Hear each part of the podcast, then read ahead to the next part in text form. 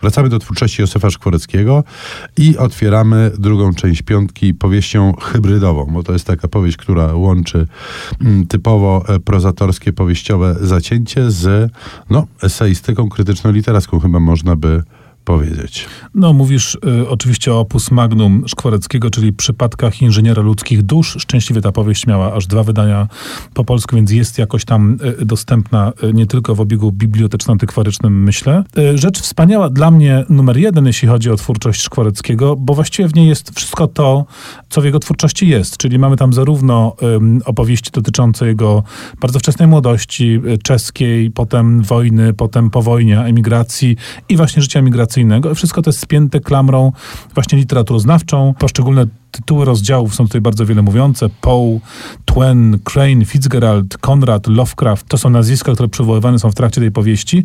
Ja muszę powiedzieć, że po przeczytaniu tej książki, to była któraś tam z kolei powieść um, Szkwareckiego w moim życiu, uznałem, znaczy zdałem sobie sprawę, że mam do czynienia jak z pisarzem absolutnie wielkim i w każdym rankingu najważniejszych powieści XX wieku ja osobiście przypadki inżyniera ludzkich dusz stawiam bez cienia wahania. Po prostu no, wybitna, i smakowita i bardzo dobrze się czytająca powieść. Lżejszą powieścią, przynajmniej na początku, jest powieść Lwiątko, też wydana jakiś czas temu. To jest znowu typowa dla Szkworeckiego rzecz, acz nieco inna. Mamy do czynienia tutaj z panem redaktorem, który pracuje w gazecie, prowadzi takie dość hulaszcze życie, no bo jak żeby inaczej, i spotyka pewnego dnia na basenowej plaży panią Irinę Syrbrną.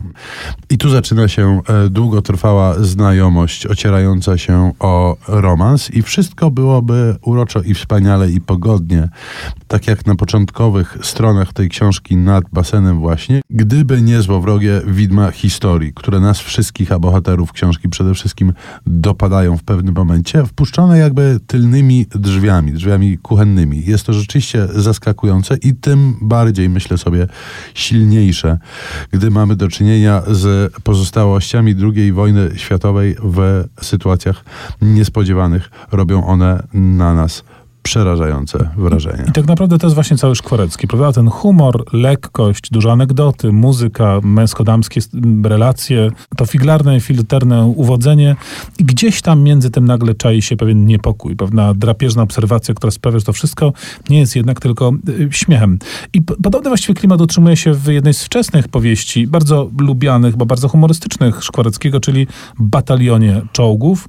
Tutaj na warsztat bierze sobie nasz autor okres służby wojskowej, po prostu. No ponoć, kiedy ta książka ukazała się pierwotnie po czesku, y, pojawiały się takie hasło i okrzyki Szwejk odżył, czy tam Szwejk żyje, bo te skojarzenia szwejkowsko-militarne są tu w sposób oczywisty y, naturalny, ale no znowu tak, chodzi o coś paragraf więcej. 22 na przykład, tak? to też jest książka, która przychodzi nam na myśl w trakcie lektury Batalionu Czołgów. Wiemy z literatury, z różnych lektur, że armia świetnie nadaje się do satyrycznego, jako satyryczny materiał literacki.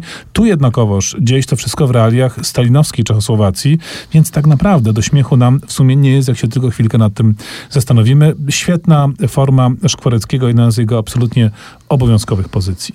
No właśnie, bo to wesołe z niewesołym mieszać to Szkwareckiego jest specjalność. E, gorzki świat, namawiamy Państwa do lektury tego tomu opowiadań. E, tymczasem w stylu Szkwareckiego zostawiamy Państwa w objęciach jakże sympatycznej muzyki jazzowej. Tym razem to Louis Armstrong i Hello Dolly.